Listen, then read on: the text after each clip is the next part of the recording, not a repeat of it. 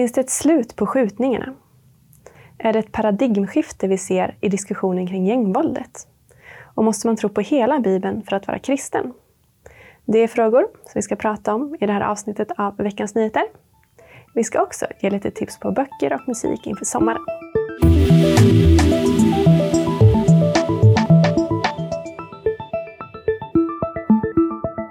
Varmt välkomna till säsongens sista avsnitt av Veckans Nyheter med mig Sara Andersson och bibelläraren och ledarskribenten Sven Almqvist. Tack för det. Ja, vi ska börja med att prata om något som vi pratat om tidigare, mm. men som aldrig tycks ta slut, nämligen skjutningarna. Just det. I lördags sköts en 15-årig pojke och en 43-årig man ihjäl i Farsta söder om Stockholm. Mm. Och två personer skadades, varav en var en kvinna som stod och låste upp sin cykel och blev träffad av ett skott. Mm.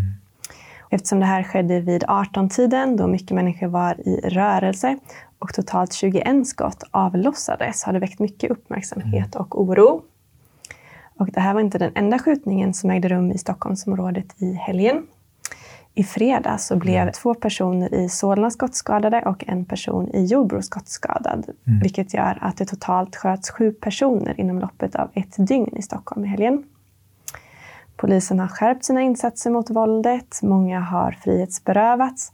Men det tycks inte hjälpa. Mm. För varje person som försvinner för gatorna tycks det finnas nya som står redo att mm. kliva in. Vad säger du om det här? Eh, alltså, jag, jag, var faktiskt eh, på en tillställning där jag träffade en väldigt välmeriterad polischef i Stockholm som jobbat med våldsfrågorna på väldigt hög nivå. Och jag ställde faktiskt eh, den här frågan, eller liknande frågor du ställer nu. Och, och det han säger är att alltså, de mord vi ser nu är inga vanliga mord, vanliga mord, bara det är udda, udda, det finns inga vanliga mord, men alltså det man historiskt har haft kunskap om. Och där Sverige har haft relativt duktiga kriminalare som har kunnat löst mordet, hittat orsakssammanhang och så vidare. Det här är ändå helt annat. Eh, och eh, som ju har hela tiden eskalerat. Där mm. det, ju, det handlar om människor som inte känner varandra, det handlar om, om beställningsmord, det handlar om alltså planrelaterade mord. Det är en helt annan paradigm. Mm. Du sa ju att de här personerna inte alltid känner varandra, men det kan ju ändå vara barndomskompisar och så vidare. Mm. Men i vilket fall så är det ofta väldigt unga personer. Mm. I det här fallet är det väl de misstänkta gärningsmännen i 20-årsåldern, men mm. det kan ju vara 13-åringar som skjuter. Vad säger du om det? Nej, men det är precis det som är den skrämmande nya paradigmet. För det var ingenting som hände x antal tid bak i Sverige. Vi hörde nu Strömmer här, eh, eh justitieminister Strömmer eh, kom ju ut och sa att det, vi, vi räknar med 30 000. 30 000 som är med i de här organisationerna, inte som håller i pistolen, men som är med och ser till att till slut det håller någon i pistolen. Mm. Ja, lyssnar man på nyhetsinslag om den här utvecklingen så betonas det ofta att det är män eller unga män mm. som ligger bakom det här. Men man nämner inte så många andra gemensamma faktorer. Nej, men gemens, en gemensam faktor är ju, är ju den att man, man, man har kommit till Sverige. Oftast är det ju med utländskt påbrå, eller man är född i utlandet, eller man har en annan, en annan kultur. Så, så är det ju. Va? Och ser annorlunda, initialt i alla fall, på eh, kanske rätt och fel. Mm. Eh, och sen är det ju så, jag menar Sverige har ju tagit emot en oproportionerligt stor del av unga män på kort tid. Eh, och och vi har ju inte lyckats med integreringen överhuvudtaget. Och då har man ju gaddat samman. Och unga killar, som kanske inte ens har haft familjer att växa upp i, skapar sina egna lagar, sina egna ideal. Och det är tyvärr inte schackklubben som är det intressanta, utan det är snabba pengar och andra saker. Mm. varför har inte exempelvis Tyskland sett samma utveckling då? De har ju också tagit emot många migranter. Jag tror helt enkelt att man har eh, haft en mycket större koll eh, och mycket kraftfullare åtgärder för att slå sönder de här klanerna. Eh, kanske utifrån ekonomiska, man ger inte de här ekonomiska incitamenten, man, man, man sätter större krav på det. Alltså, jag kan säga, jag är inte expert på tysk eh, kriminalpolitik, men någonstans har man ju lyckats bättre. Mm. Danmark har lyckats bättre. Vi behöver inte åka till Tyskland, vi kan ju titta hur gör danskarna? Och jag läste någonstans här att danskarna sa välkommen till verkligheten Sverige. Eh, alltså, eh, man har på ett sätt varit mycket tuffare än vad vi har varit. Eh, överhuvudtaget på att på mängden av människor som har invandrat till Danmark, mm. men också synsättet på hur man hanterar den som har kommit. Man ställer mycket större krav på det. Så, så det är ett ganska jobbigt uppvaknande tror jag många gör i Sverige faktiskt. Ja, en person som säger att han har börjat ändra syn på de här frågorna är vänsterskribenten Jens Liljestrand. Mm. I en uppmärksammad text i Expressen så skriver han att han hade fel kring de här frågorna.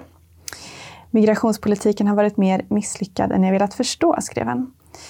Tror du att det här är ett tecken på ett paradigmskifte bland vänsterdebattörer? Mm. Ja, men det är väl det alltså. Det, det, det, han är ju en av dem som har vågat ändå kliva upp och säga någonting runt detta. Och han menar ju, jag läste det där också, han menar ju att nu börjar det plötsligt beröra medelklassen. Han talar ju ofta utifrån klasskampsperspektivet. Och nu berör det medelklassen och nu, nu kommer det hända saker här ungefär. Va? Ty, typ människor som blir av misstag skjutna och så vidare. Så, att, så att det är väl någon form av tillnyktring ändå. Och det, det, får man väl ändå se som ett hoppets tecken ändå. Att vi, att vi åtminstone kan börja samtala om detta utan att få en stämpel i pannan. Mm. Alla vill ju vara generösa men problemet är ju bara det att sjunker båten så sjunker ju alla i båten. Så det gagnar ingen att sänka en båt, sänka ett land. Vi måste se till att det finns en reasonable, en lagom nivå av allting. Så det är väldigt intressant mm. Eh, vad Jens skriver här. Ja. I Sverige kan det ofta vara så att alla liksom springer åt ett håll och sen mm. börjar alla springa åt ett annat håll. Tror du att det finns en risk att liksom går för långt, att det leder till främlingsfientlighet?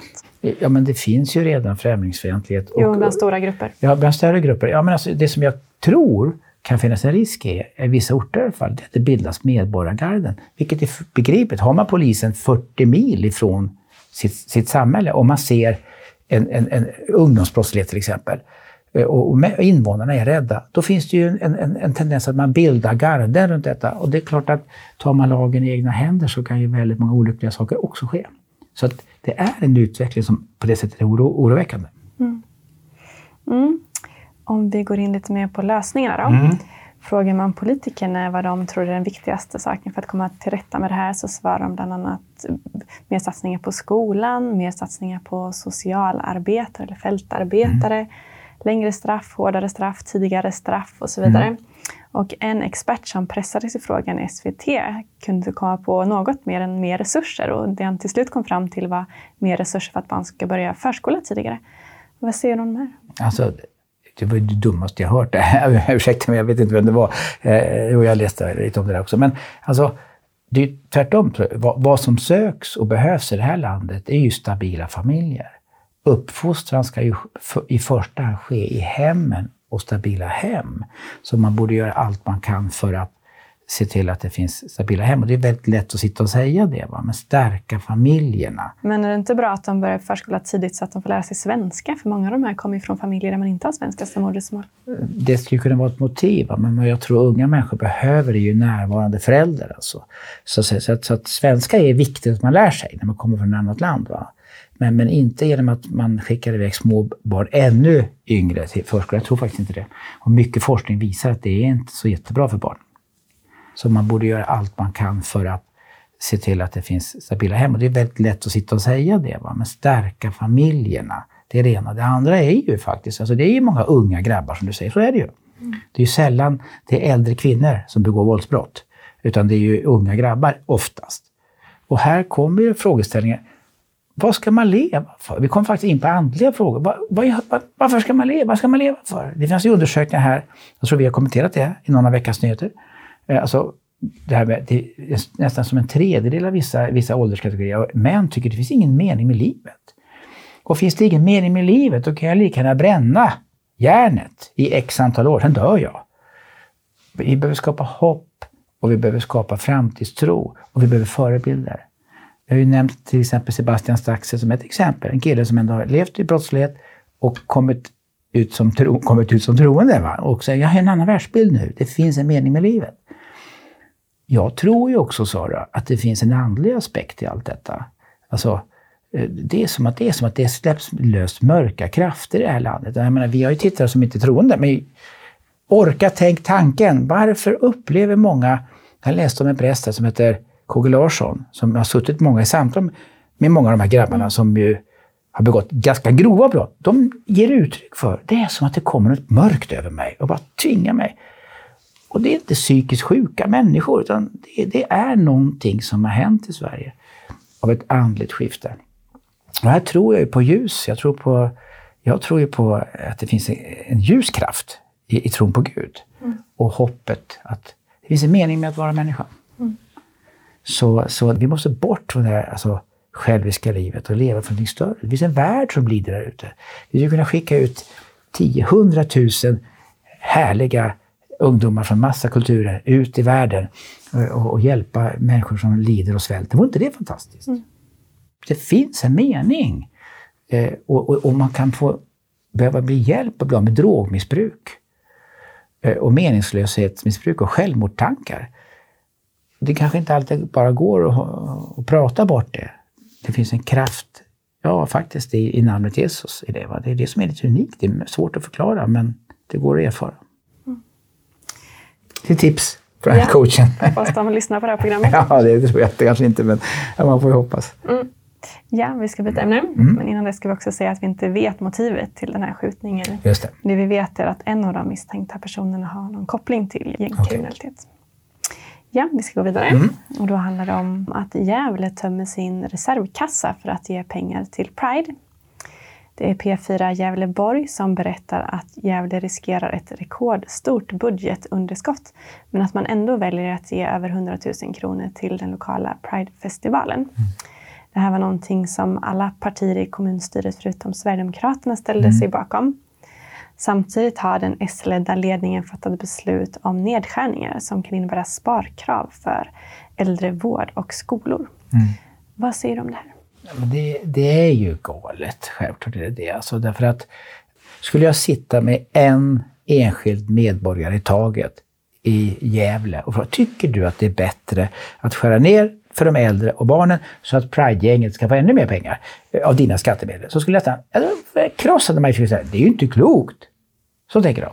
Men varför gör politikerna detta? Därför att de är så vansinnigt fega. Det bara generellt sett. Ja, men jag tror det. Alltså, här kommer Pride och säger om inte ni ger oss pengar, då minsann kommer ni valsa runt som homofober. Och så sitter oftast fega politiker eh, och ja, men då får vi göra det. Så, så skrapar man i, i sina i sin eh, kommunkassa mm. här och få fram pengarna. Jag tycker det är svagt. Alltså. Mm. Sen får Pride självklart köra, alla får köra sin idé. Om de har sin idé får de köra den, med mina, sina egna pengar. Mm. Men är 100 000 kronor verkligen så mycket i det här sammanhanget? Skulle det verkligen räcka så långt inom skolan? Eller? Nej, men, eh, det, jo, det handlar hur mycket, inte hur mycket pengar du ger, hur mycket pengar har du kvar? Och här var det verkligen inga, inga pengar kvar i stort sett. Och om det nu är sant som du säger, att det indirekt i alla fall på bekostnad av barn och av eh, äldre i det här fallet, som man måste skära ner. Det är ju inte klokt.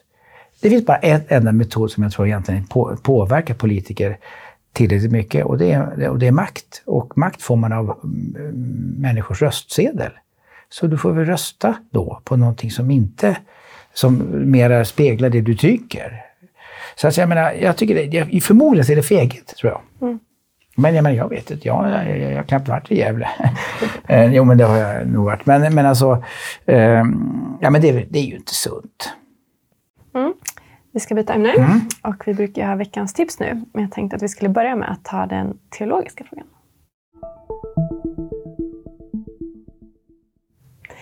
Ja, ibland får vi frågor kring den kristna tron mm. eller man blir kristen och så vidare. Så jag tänkte att vi skulle avsluta med en sån fråga. Mm. Om man nu som tittare här får för sig att läsa Bibeln i sommar och mm. stöter på grejer som man inte tycker om, som att Gud inte är pacifist, att Gud har massa åsikter kring hur vi ska leva eller att alla inte mm. kommer till himlen. Eller det är saker som man inte kan tro på, som att döda uppstår till liv eller att någon överlever i en fisks mage och så vidare. Hur ska man tänka då? Måste man tro på hela Bibeln för att vara kristen? Alltså, det där kan man ju svara jättemycket på, eh, menar jag. Eh, och eh, får jag ta en bild? Om, om du ska, jag ska baka, Sven ska baka och så har min fru lagt fram mjöl, salt, vatten, Sätt en varm ugn. Jag tar det som ett exempel, jag är ganska dålig på att baka. Men, men så okej, okay. om jag smakar mjöl, så här, nej, det är ju inte ätbart. Salt, usch, det gick ju inte alls. Vatten går. Aj, det där var ju varmt. Taget var för sig så blir plötsligt, va? Men när man förstår hur man ska baka kaka, så men du, det blev ju levande bröd av allt detta. Det är ju fantastiskt! Bibeln avslöjar och uppenbarar en sanning som är fantastisk. Den är helt enorm. Den ger mig bröd, liv på insidan och hopp för framtiden och evigheten. Så att man måste lära sig baka kakan rätt. Det är, det är ett svar på det du säger. Så att varje enskild bit i sig, jag tror man kan klara sig utan salt i bröd. Det är bara det att det blir ännu bättre om man har med det. Det var en bild, en metafor, mm. för att liksom greppa lite vad jag menar. Är att, nej, du behöver inte tro på det här med måste tro. Då, det är ungefär, måste man älska den man gifter sig med? Alltså, måste, bara använda ordet måste. Har du förstört det? Mm. Diskuterar man kärlek är den förstörd.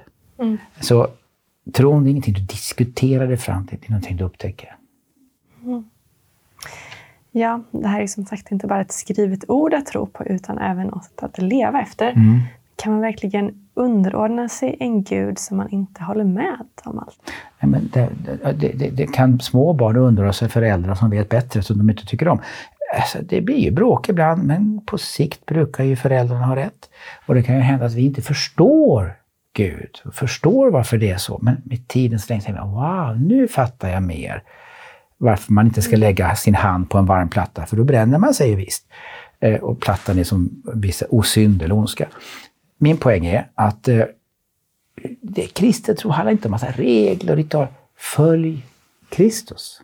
Det är vad kristendomen är. Följ Jesus. Mm. Så, kommer, och så har du fått en helig ande, en, en kraft inom dig som leder dig till sanningen på område efter område.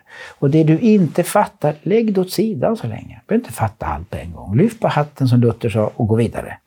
Det är tillräckligt stor utmaning med att göra det som man fattar. Mm. Men, men alltså, ärligt talat, börja med det viktigaste först, det är Jesus.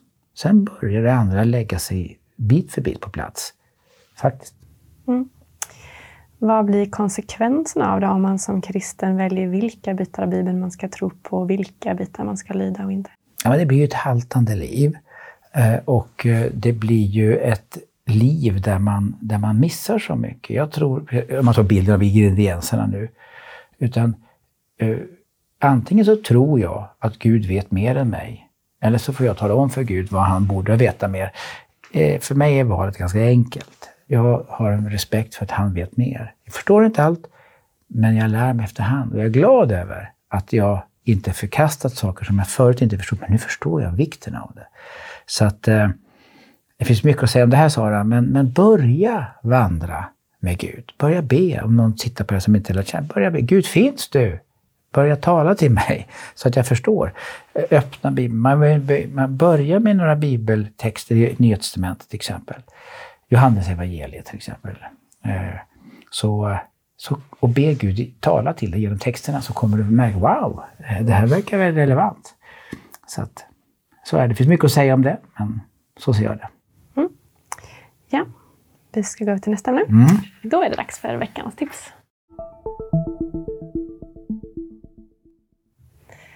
Ja, eftersom mm. det är sommaruppehåll snart så tänkte jag att vi skulle ha lite fler tips än vanligt. Mm. Så jag har ju bett dig ta med flera böcker. Just det. Och jag har också bett vår ljudtekniker och kameraman ta med någonting här. Oh. Jonas. Ja, oh, Jonas! Som också är väldigt duktig på musik, så jag har bett dig ta med någon musik. Ja. Ska vi börja med dig Sven? Vad har du tagit med? Jag fick för... inte ta med mig musik. Det är bara han som kan, han kan ju musik. Du vill inte ta med någon musik? Om man säger så jämfört med Jonas så vill jag inte det. Nej. Mm. Ja, men jag tog med mig eh, böcker. Eh, och eh, jag tog med mig faktiskt några stycken här, flera stycken. Eh, en, eh, Kristen tro mot väggen 12 tuffa frågor till världens största religion. En oerhört bra, intressant bok från Apologia. Jätteroligt tycker jag för den som ifrågasätter, som jag gör väldigt mycket. Men jag har ju kommit fram till att det är mycket bra svar.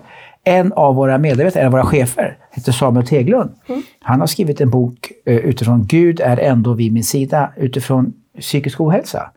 Uh, uh, med en både personlig touch, men jättevarm bok. Fin bok, verkligen. Och jätteaktuell bok. Så Samuel Teglund vill jag också ha. Sen, och det här är böcker är väldigt nya, de har nyligen kommit. Och sen så har jag en gammal klassiker. Och eftersom jag tycker om att läsa, det är Peretti. Mm. Frank Peretti, This Present Darkness. Och det är lätt och det är en roman mm. som handlar om de här andliga sakerna som vi pratar om, onda änglar och så, i, romanform. Piercing the Darkness och The Prophet fantastiskt bra mm. skrivna, sålt i miljontals exemplar. Mm. Så. De finns ju också på svenska ska vi säga. Ja. Ondskans närvaro och Ondskans nederlag heter de Exakt. på Exakt. Mm. Jag brukar läsa på originalspråket, men det här är jättebra böcker. Mm. Ja, jag har också själv tagit med några böcker Mm. och övervägde faktiskt att ta med just de där för att Är det jag tycker att ondskans närvaro är väldigt bra. Men nu tog jag någonting annat. Wow, det var lite coolt. Så nu har jag en bok som heter En röst i vinden av Francine Rivers. Och det är del ett i en trilogi. Och den handlar om tre olika personer i 70-talets Rom. Och inte 1970-talet utan 70-talet efter Kristus. Och då är det en ung judisk kvinna som förs till Rom som slav.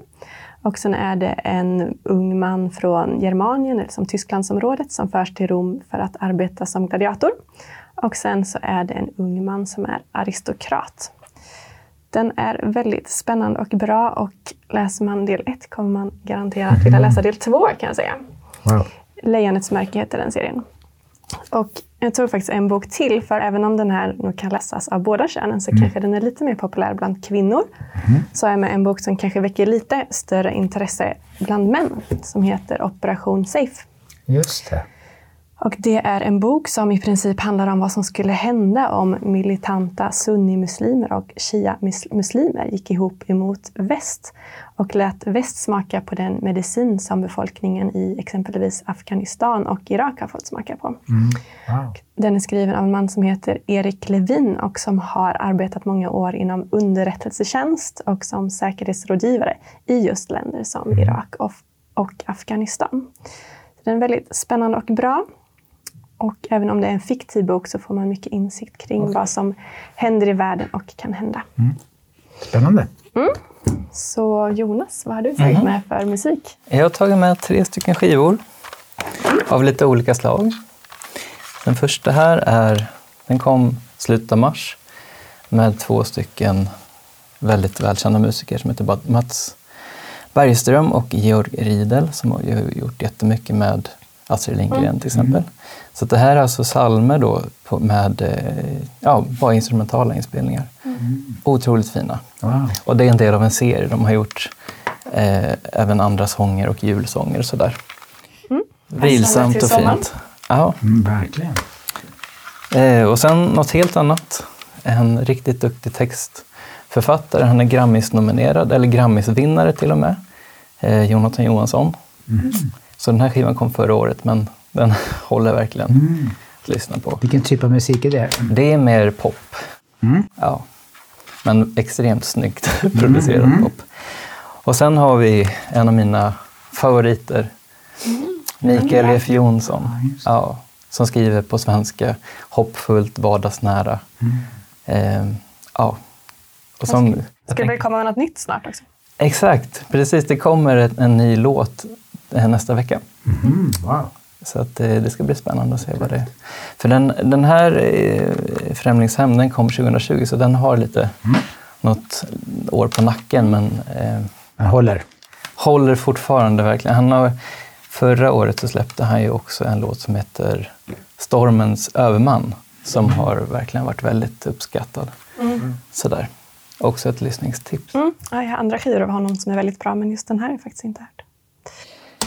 Yes, tack så mycket för det Jonas. För att återgå till kamerorna. Ja. Ja, det var väl allt vi hade för den här gången. Absolut. Har du några planer för sommaren? Eh, Jag ska vara med med min familj förstås och min fru. Eh, Jag har planer på att träna. Oj, Ja, faktiskt. Och jag har upptäckt att det går inte att ha chips på sig ena handen och sen be till Gud om att man ska få en tränad kropp. Det, då säger Gud, lyssna på lagen om sådd och skörd. Så att eh, det blir trän mindre, ingen chips och träning faktiskt. Det har jag planer på. Du då? Jo, jag ska resa runt lite som vanligt. Jag ska till Österrike med lite kompisar och så ska jag ordna ett litet midsommarlopp och så ska jag till Medelhavet och så ska jag vandra i fjällen. Så Och så ska du läsa. Så om jag hinner ska jag läsa lite också. Roligt. Ja, det var allt vi hade för den här gången. Tack så mycket för den här säsongen Sven. Tack själv. Och tack till alla er som har tittat. Hoppas att ni får en jätteskön sommar och vill läsa några av de här böckerna eller lyssna på den här musiken kanske. Och har ni inget att göra och det är en regnig dag kan ni alltid lyssna på några gamla avsnitt av oss också. Ja, kan man göra. Hoppas att ni vill se oss till hösten. Vi kommer troligtvis tillbaka i slutet av augusti. Ha det bra! Hej då.